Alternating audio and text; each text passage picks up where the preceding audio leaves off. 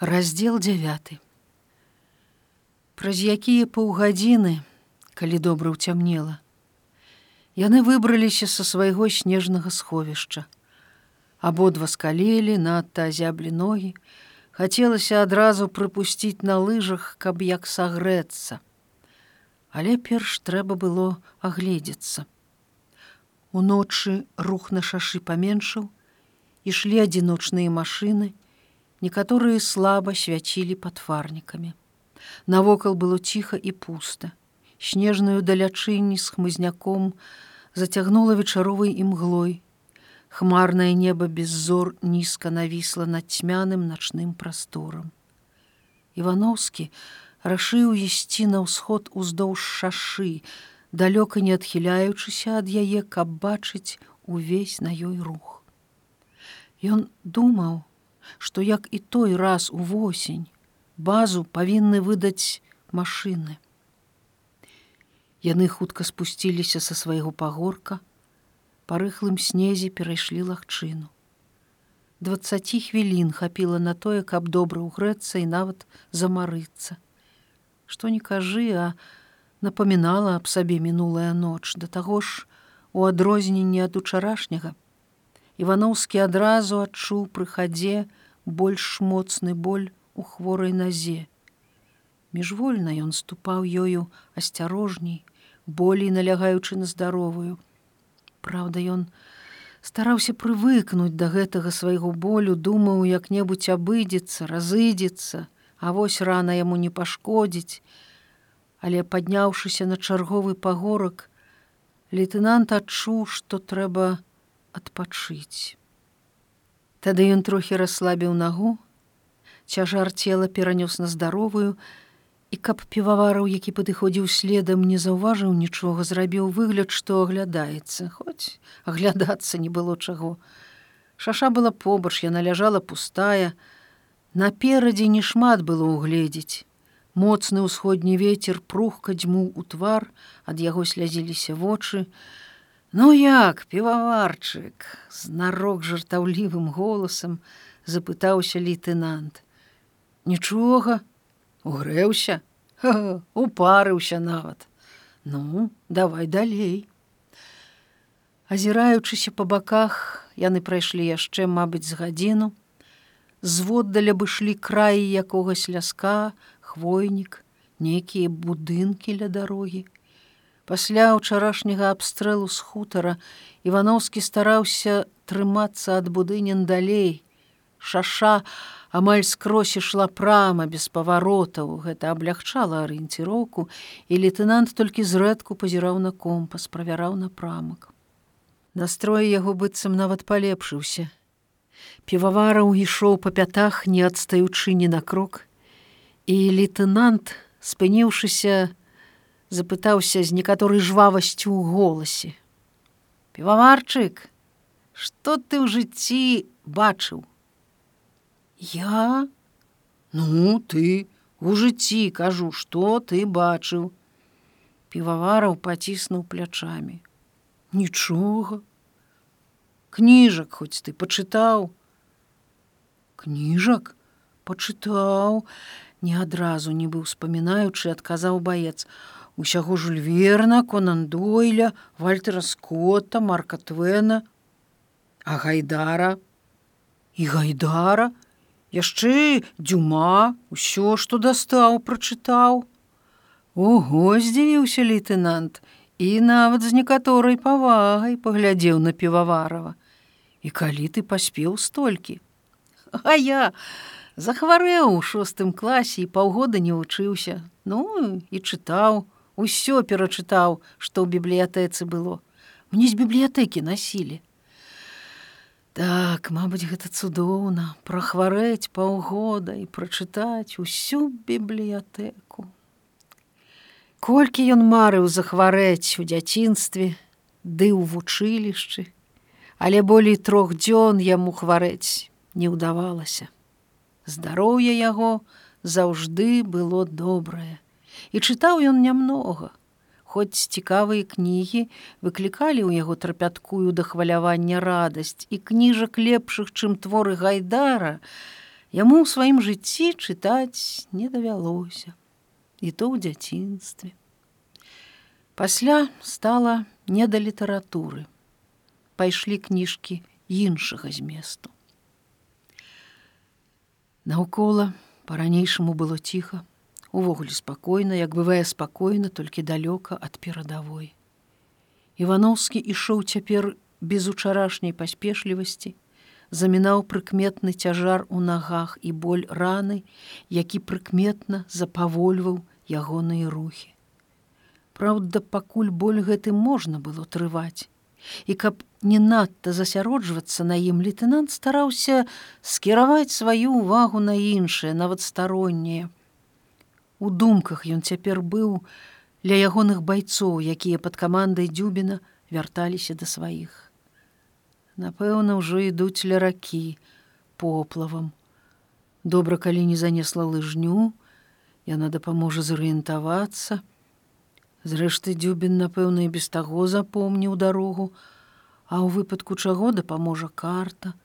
Карта на вайне каштоўнасць. Шкада толькі, што не заўжды хапае гэтых вось карт. Увесь час не выходзіў з галавы хакімаў.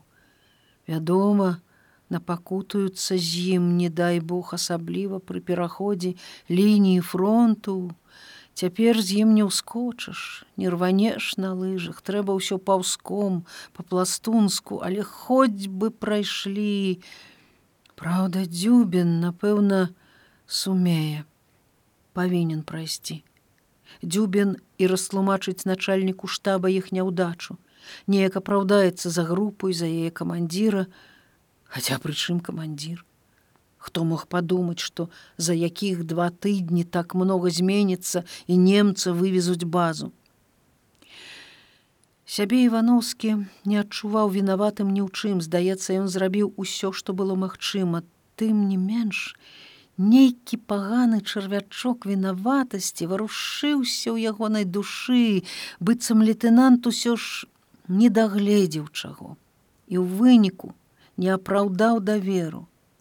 Менавіта гэты неапраўданы давер трывожыў яго болей за ўсё.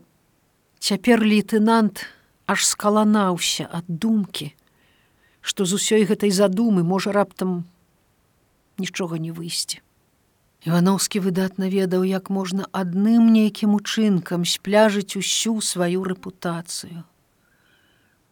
Аднойчы, з ім было такое, што падвёўшы чалавека, ён так і не змог вярнуць яго добрыя да сябе адносіны. Незадоўга перад тым, як ігар успоўнілася 14 год, і ён пяты год жыў у кублічах, невялікім ціхім мястэчку ля самай польскай граніцы, дзе ў пагранкамендатуры служыў ветэрынарам бацька. Забаў у мястэчку было нямнога. Ігар хадзіў у школу, сябраваў з хлопцамі, а вольны час прападаў на каменданцкай стайні. Коні былі, можа, з самым вялікім захапленнем яго дзяцінства. Колькі ён перачысціў іх, перакупаў, колькі паездзіў конна і ў сядле і без сёдлаў. Гады тры запар, Ён не заўважаў нічога вакол апроч коней. Кожны дзень пасля урокаў бег на стайню і вяртаўся з яе толькі на ноч, каб назаўтра да прыходу дзяжурнага зноў быць там. Пагранічнікі жартавалі часам, што ігар нязменны днявальны на іхняй канюшні. І ён бы з задавальненнем згадзіўся, што дзень дня валіць, калі б не ўрокі ў школе. На стайні заўжды было мноства цікавага пачынаючы ад кармлення і вадапою, чысткі з крабком і шчоткай і канчаючы урачыстым рытуалам вывадкі з пастраеннем, мітуснёй чырвонаармейцаў, прыдзірлівай строгасцю начальства, якое насоўкамі правярала чысціню конскіх бакоў. Было штось бязмерна захапляючае ў коннай яздзе, занятках па вальтыжыроўцы, Але асабліва захапляла яго рубка лазы на пляцы за стайней, калі ўздоўж рада стаякоў з лазовымі прутамі галопам скакалі кавалерысты направа і налева секучы канцы гэтых прутоў. А чаго варта была аджыгітоўка самага ліхога конніка ў атрадзе славутага лейтенанта Хакасава. Але вывадку рубку, джигітоўку ён назіраў збоку, сам не прымаючы ў іх удзелу. Яго яшчэ не пускалі ў строй і нават ні разу не дазволілі сесці з шашкай на коня. Іншая справа купання. На мурожным беражку возера ля пясчанай водмелі стаяла старая пагрызеная конавесь, і амаль кожны спякотны поўдзень да яе прыводзілі потных змораных коней. Тут ужо ігар адводзіў душу, плёскаўся да таго часу, пакуль апошні конь не выходзіў з возера. Звычайна ён прыязджаў на мілцы, маладой рыжай кабылі з танканогім брыкастым жарэбчыкам. Мілка была замацавана за камандзірам аддзялення сяржантам міцяевым, з якім у ігра склаліся зусім асаблівыя, можа нават незвычайныя між хлапчуком і дарослым адносіны. Гэты міцяю, хоць і служыў тэрміноваю, але ў адрозненні ад іншых двадцацігадовых байцоў пагранічнікаў здаваўся ігару амаль старым, з парэзаным маршчынамі тварам, цяжкою хадой і нязграбнай марудлівасцю пажылога, вясковага дзядзькі. Родам міцяй быў аднекуль з сібіры. Дома ў яго засталіся дарослыя дочки, і ён даўным-даўно павінен быў прызвацца, ды да і адслужыць сваю службу, каб не нейкая блытаніна ў дакументах, дзе значыла, што міцяеву усяго толькі 20 гадоў. Як гэта сталася, не мог растлумачыць і сам міцяю, які толькі лаяў нейкага п'янага дзяка ў царкве, з ласкі якога яму давялося служыць разам з тымі, хто мог быць яму зяцем. Коні для міцяева не былі ў навіну. Напэўна, за свой век ён перавадзіў іх нямала і таму ахвотна давяраў сваю мілку у вішнаму сыну ветэрынара. Ігар карміў яе чысціў, мыў і выгульваў у той час, як міцяю вучыў ды пахвальваў, а то і проста адпачываў, смокчучы сваю цыгарку ў курылцы. Здаралася, што ён нават заступаўся за свайго памочніка перад ягоным бацькам, калі той ушчуваў сына за доўгую адсутнасць дома, што, вядома, не магло не адбівацца на уроках адносіны ў яго з міцяевым увогуле склаліся такія, што лепшых не пажадаеш. І стары Івановскі не раз сказаў, што гэты сібірак, напэўна, заменіць хлопцу і бацьку. Ігор не пярэчыў. Ён лічыў, што міцяю і на самай справе лепшы за бацьку, які не жыў з маці, любіў часцяком выпіць і зусім не песціў увагай свайго самапаса сына. Аднойчы звычайныя турботы з коньмі былі парушаны невялікай падзеяй. На возера прывезлі лодку. Прывёз яе на параконнай фурманцы старшына Белуш, які тут жа прабаваў яе на вадзе і аб'явіў, што лодка належыць самому каменданту, капітану Зарубіну і што ніхто не павінен дакрануцца да яе пальцам. Каб гарантаваць гэтую яе недатыкальнасць, Белуш прыладзіў ланцуг і прымкнуў лодку да стаяка конавізі. Лодка амаль усё лета праляжала на прывязі, зарубін ёю не карыстаўся, і местачковыя хлапчукі згаралі ад такога зразумелага жадання паплаваць на ёй па возеры.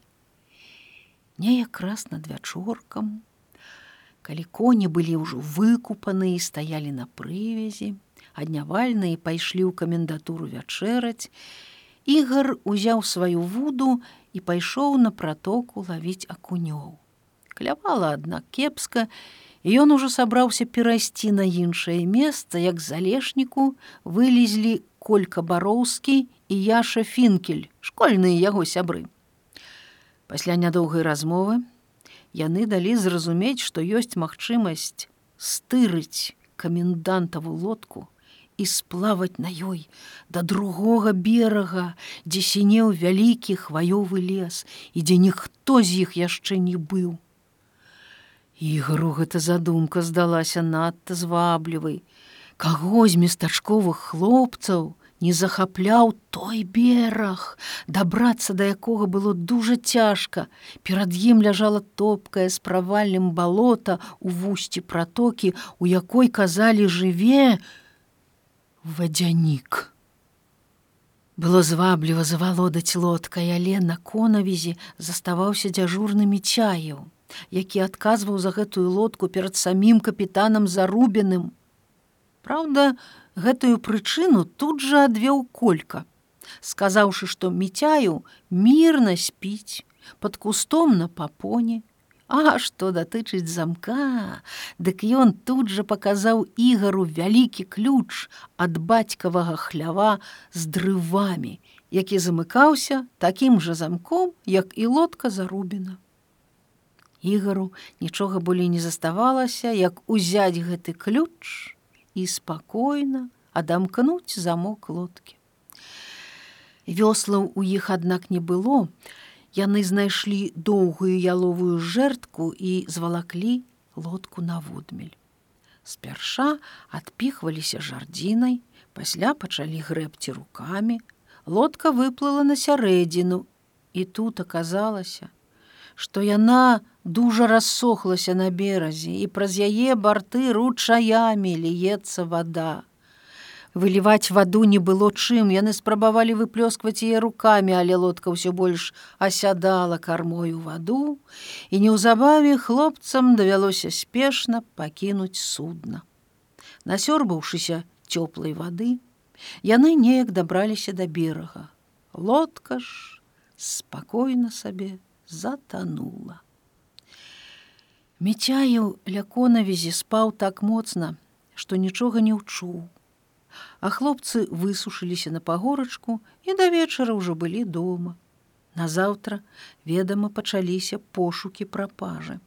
Аказалася, што хтось бачыў паблізу ад купальні местачковага распусніка Цёмкіна, на якога тут жа і склалі пратакол.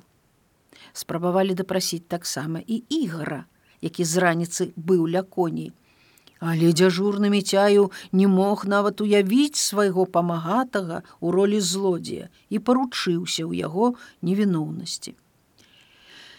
І калі праз дзень ігар усё ж прызнаўся міцяеву ў сваёй віне, той спярша не поверыў. Давялося паказаць месца на возеры, дзе неглыбока на ілістым дне затанула лодка, якую хутка паднялі і прыцягнулі на бераг. Убачыўшы яе, мецяю толькі плюнуў у пясок і адышоўся ў бок, нават не зірнуўшы на свайго памочніка. Іх двухгадовае сяброўства на тым і скончылася. Да самай дэмабілізацыі мецяю, не сказаў хлопцу ніводнага слова, быццам не заўважаў яго, не адказваў на яго прывітанне, пры сустрэчы праходзіў міма нават не пазіраючы ў яго бок. Ігар не крыўдаваў, Ён ведаў, гэтая пагарда была ім заслужана. На іхнім шляху неўзабаве аказаўся рэдзенькі малады хвойнік пасадка. Яны хутка прайшлі яго між роўных радоў падросту і раптам абодва спыніліся. На самым узлеску, пэўна, была дарога, па якой цяпер некуды ў бок марудна віхляючы на выбоінах, паўзлі ў цемры машыны. Спачатку івановскаму здалося, што ён зблытаў напрамак і выйшаў да той самай шашы, Але хутка ён зразумеў, што гэта зусім не шаша, а напэўна, якая паваротка з яе ў бок. Але чаму на гэтай паваротцы машыны? Стаіўшыся, ён нядоўга пастаяў на ўзлеску. Машыны паўзлі зусім блізка, Пярэдняя ішла з уключанымі фарамі, віхляючы па калдобінах крытым высокім кузавам. Тры іншыя машыны, што ішлі следам, былі таксама высокія і крытыя, што яны везлі, немагчыма было зразумець. Але той факт, што машыны з'язджалі ў бок з галоўнай магістралі, наводзіў лейтенанта на некаторыя прыемныя думкі. Болей не пад'язджаючы да гэтай дарогі, Ён павярнуў на ўзлеску ўслед за машынамі. Цяпер ён ішоў вельмі марудна, часта спыняўся і слухаў. Далёкі нутраны гул дызеляў нейкі час яшчэ быў чуваць. Пасля, заглушаны павевам ветру, неяк адразу сціх. Івановскі паправіў на сабе дзягу з цяжкой гранатай, азірнуўся на піваварова. Той быў побач. Прыціхлы у прачуванні небяспекі ён ледзьве спраўляўся са сваім дыханнем. А ну, паглядзім, што там, ты адстань трошки. Півавараў кіўнуў, таўхануў локцем вінтоўку, рэмень, ад якой наўкось перарэзаў яго белыя ў маскхалаці вузкія грудзі. Ведама, трохі слабаваты аказаўся яго памочнік, але тут і дужы, напэўна, не вытрываў бы. Зашорхаўшы па снезе лыжамі, Івановскі пайшоў па ўзлеску. Хвойнічак хутка скончыўся. Наперадзе быў ручай або рэчка з кустоўем па берагах. Івановскі з прыкметнай натугай зморанага чалавека перабраўся цераз яе і яшчэ прайшоў полем. Нечакана для сябе ён убачыў дарогу, дзве глыбока прарэзаныя ў снезе аўтамабільныя каляіны. Каб не пераходзіць яе і не згубіць у цемры, ён вярнуўся назад і на некаторыя адлегласці пайшоў полем. Вёска паявілася нечакана хутка, без адзінага гуку, без бляску святла, з шэрага паўзмроку перад ім раптам вынікла страха хлеўчука, за ёю другая, і лейтенант тут жа ў думках вылаяў сябе за неасцярожнасць ад вёскі трэба было трымацца далей.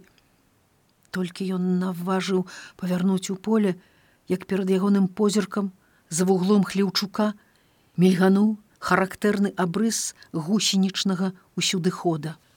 Тут жа было яшчэ нешта, незразумела грувасткая ў паўзмроку. Тонкая патарчака ад яго высілася ў небе і паўзіраўшыся крыху, лейтенант зразумеў, што гэта антэна. Вядома, у вёсцы не магло быць ніякай базы, затое магло размясціцца на ноч якое тылавое ці маршавае падраздзяленне немцаў. Бачыў, ціха запытаўся івановскі у напарніка ну что гэта як думаешь півавараў толькі цепнуў плячом.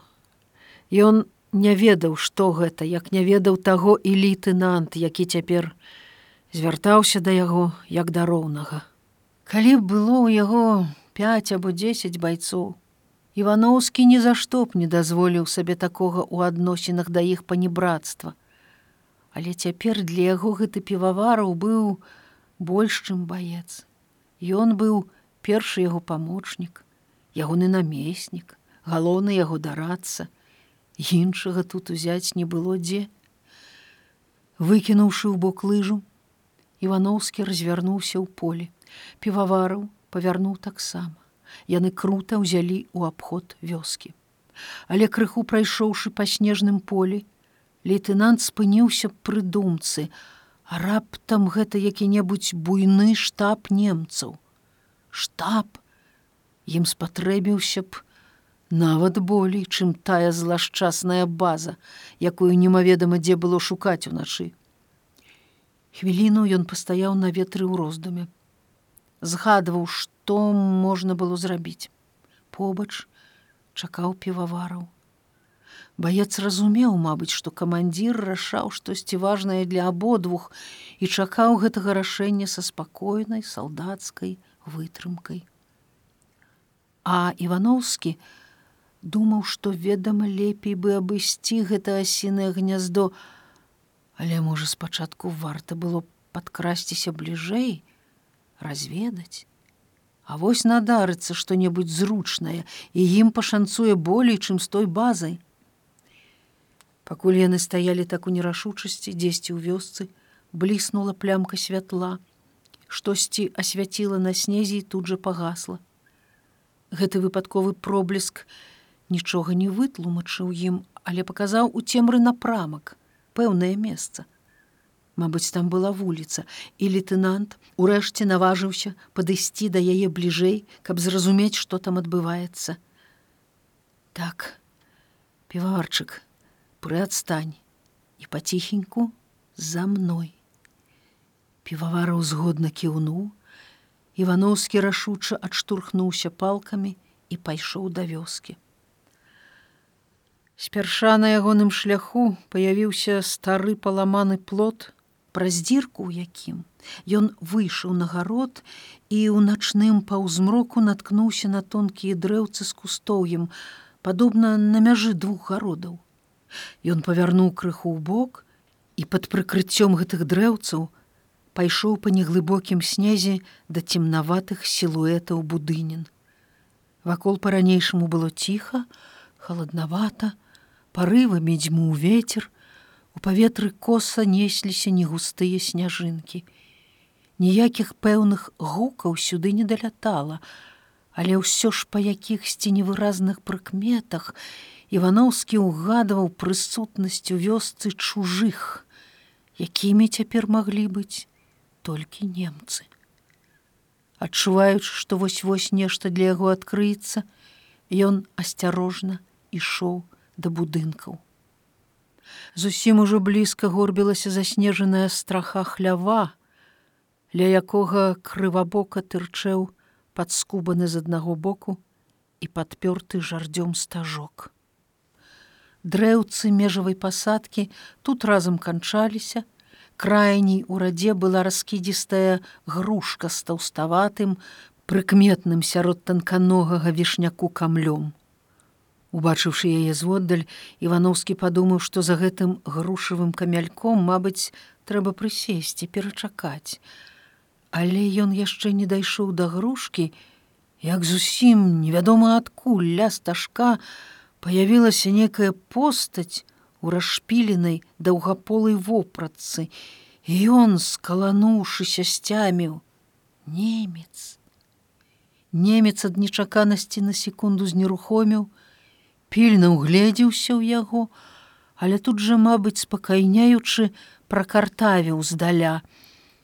Эс шайны айн русе Івановскі нічога не зразумеў і, мабыць, надта рэзка рвануў рукоятку аўтамата, які вісеў на яго грудях, затвор гучна шчоўкнуў у цішы. Немец, зразумеўшы памылку, прыдушана крыкнуў і вёртка кінуўся па снезе ад стажка на ўскос цераз гарод да суседняга дома. На секунду разгубіўшыся, Івановскі прысеў і здаецца своечасова тут жа. Ад будынін бухнуў адзіночны стрэл. Куля гучна шчоўкнула ў намерзлым голлі кустоўя але ён ужо быў на пагатове і з калена коротко тыркнуў чаргой па шэрым вуглу за парканам пасля другой чаргой ніжэй па ўцікачу які ўжо быў гатовы схавацца ў цень будыніны. Апошнія яго кулі былі аднак лішнія. Немец адразу ткнуўся галавой у снег і застыў там. Івановскі тут жа выкінуў левую лыжу на разварот, схапіў одну палку. Другую, спяшаючыся, ён упусціў у снег і толькі нагнуўся за ёй, як у цемры двара, зноў пыхнула чырвоным агнём, і ён ціха войкнуў ад глыбокага, вострага удару ў плечы, адразу адчуў, што паранены, знячывелы, шалёна рвануўся на лыжах з гэтага гарода, туды, дзе нецярпліва чакаў яго півавараў. Прамарудзіўшы на пачатку немцы падарылі яму чвэрць хвіліны дарагога для яго часу. Ён ужо праскочыў палову межавых прысадаў, як яны толькі пачалі выбягаць з двароў нагарод. Хтось закрычаў там камандны, строга і чалавек пяць іх пусціліся за ім на ўздагон. Ён добра іх бачыў, азірнуўшыся і на секунду відаць разгубіўся, цемячы спыніцца яму, каб агнём з ППД збіць іх у вішнасць або хутчэй бегчы ў цемру, але хутчэй у яго ўжо не выходзіла. Ён хутка слабеў ад болю і ледзьве ўпраўляўся з лыжамі. Ззаду некалькі разоў стрэлілі часта і не дужа гучна бадай з пісталетаў, але ён усё ж адарваўся ад даганятых, цяпер трапіць у яго было цяжка. І ўсё ж адна куля ударыла кудысь под ногі. Ён не азірнуўшыся прыгнуўся ніжэй і з усіх хутка слабеючых сіл стараўся прарвацца з гарода. Але вось і яшчэ адна куля працягнула вісклівую сваю струну над самай яго галавой. Ён падхапіў аўтамат, каб выпусціць назад чаргу, але аднекуль спераду моцна і гучна бабахнула раз і другі. Ён зразумеў радасна, амаль паратоўча гэта, півавара, устрэл свае трохлінейкі ён бы пазнаў, дзе хочаш. Тым часам з паўзмроку, амаль насустрач яму адзін за адным бліснулі тры частыя ўдары, кулі прайшлі зусім побач. Але ён ужо нёс у сабе ўпэўненасць свая куля яго не зачэпіць. Хутчэй, таварыш лейтенант, Івановскі ўпаў, трохі не дайшоўшы да плота, але не ад болю ў грудях, які хутка авалодваў усёй яго правай паловай цела, а таму што не хапіла дыхання. Ён задыхнуўся, але ён ведаў, што півавараў ужо дзесь побач і не пакіне яго. Выплюнуўшы з рота снег, ён тут жа паспрабаваў падняцца. Але ногі яго дзіўна пацяжэлі. Да таго ж заміналі скрыжаваныя пры падзенні лыжы. Адна з іх зусім заскочыла з яго нагі, тады ён тузануў другой, і таксама вызваліў яе з рамянёў. Ззаду і яшчэ хлопнула некалькі стрэлаў, але яго, здаецца, ужо не даганялі. Іх затрымаў півавараў, які і выбег да яго з прыцімак. Таварыш лейтенант, ціха, дай руку. Я ўлажыў там аднаго, Хай цяпер сунецца. Здаецца, ён і не надта здзівіўся яго раненню хутка памог падняцца, але байца, мабыць, займала іншае, і ён нават не спрабаваў таго ўтаіць. Падобна было, што ён і не здагадваўся, як проста цяпер іх маглі забіць тут абодвух. Лейтенант хацеў быў сабраць лыжы, але зноў у галаве яго закружылася, і ён ткнуўся плячом у мяккі марозны снег. Півавараў, напэўна, толькі цяпер зразумеў стан камандзіра і скінуўшы са сваіх ног лыжы кінуўся на дапамогу: Што вас здорава, га, таварыш лейтенант, Нічога, нічога, выціснуў сябе Івановскі. Памажы. Трэба было як мага хутчэй адсюль уцякаць, З хвіліны на хвіліну іх маглі дагнаць немцы. Півавараў раптам прымоўк і, падтрымліваючы лейтенанта, павёў яго кудысьці ў цемру далей ад вёскі ў поле. Івановскі пакорна валокся па снезе, заплятаючыся нагамі. У галаве яго хмельна кружылася, здавалася, вось-вось пачнуцца ваніты. Два разы ён выплюнуў на снег штосьці цёмнае, не адразу сцяміўшы, што гэта кроў. Добра атрымаў, добра атрымаў, думаў ён амаль са злараднасцю, як пра кагось іншага, не пра сябе. Яны не азіраліся, і без таго было зразумела, што ззаду не ўціхаў верхал, раздаваліся крыкі. Праўда, стрэлаў ужо не было, але трывожлівыя галасы ззаду падганялі іх болей за стрэлы. Відаць, немцы высыпалі на ваколіцу, або можа ішлі следам. У івановскага уже ўсё было мокра ад поту і крыві. На баку праз бязь маск халата проступіла вялікая цёмная пляма.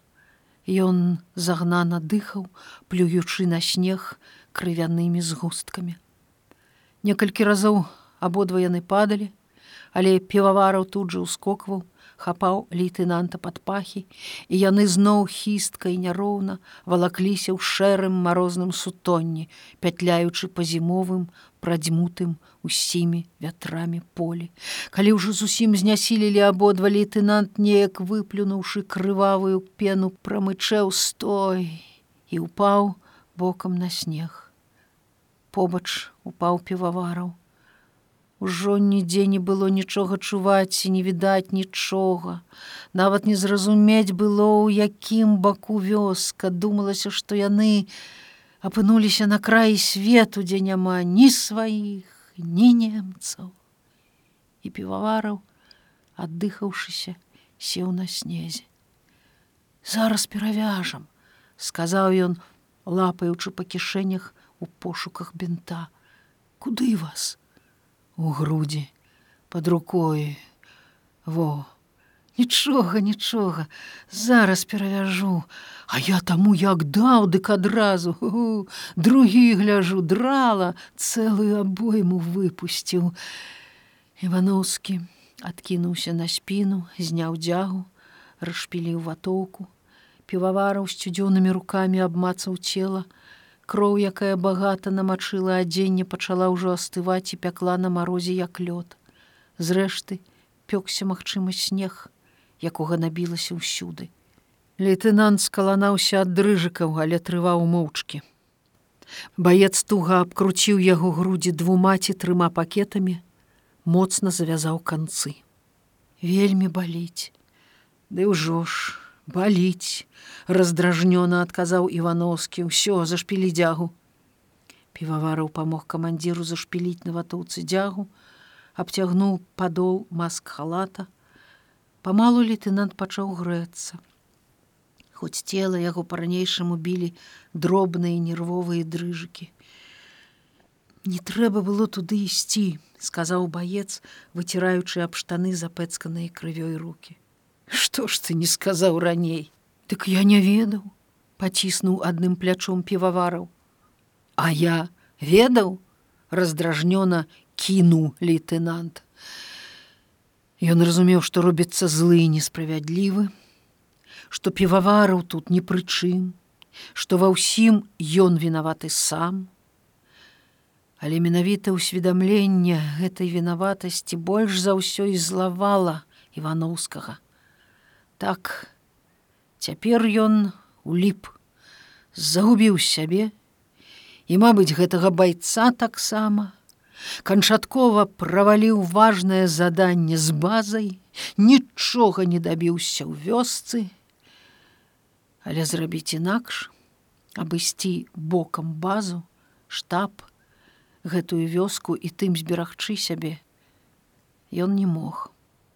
На такой вайне, гэта было б злачынствам.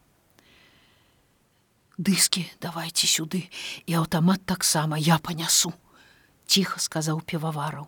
І івановскі моўчкі згадзіўся. Цяпер вядома ён многа несці не мог. Сабраўшы ў сабе рэшту сілы ён толькі павярнуўся каб сесці на снег. Што ж трэба ісці? Ага давайте вунь туды як ішлі ажывіўся півавараў я і богу тут недзе павінна быць вёска вёска?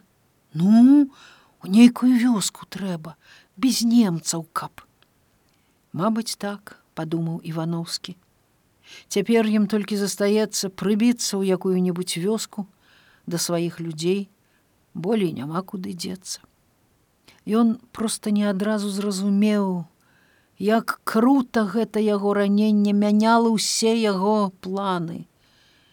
Цяпер, Мабыць, трэба болей клапаціцца пра тое, каб не трапіць да немцаў. Базы яму ўжо не бачыць.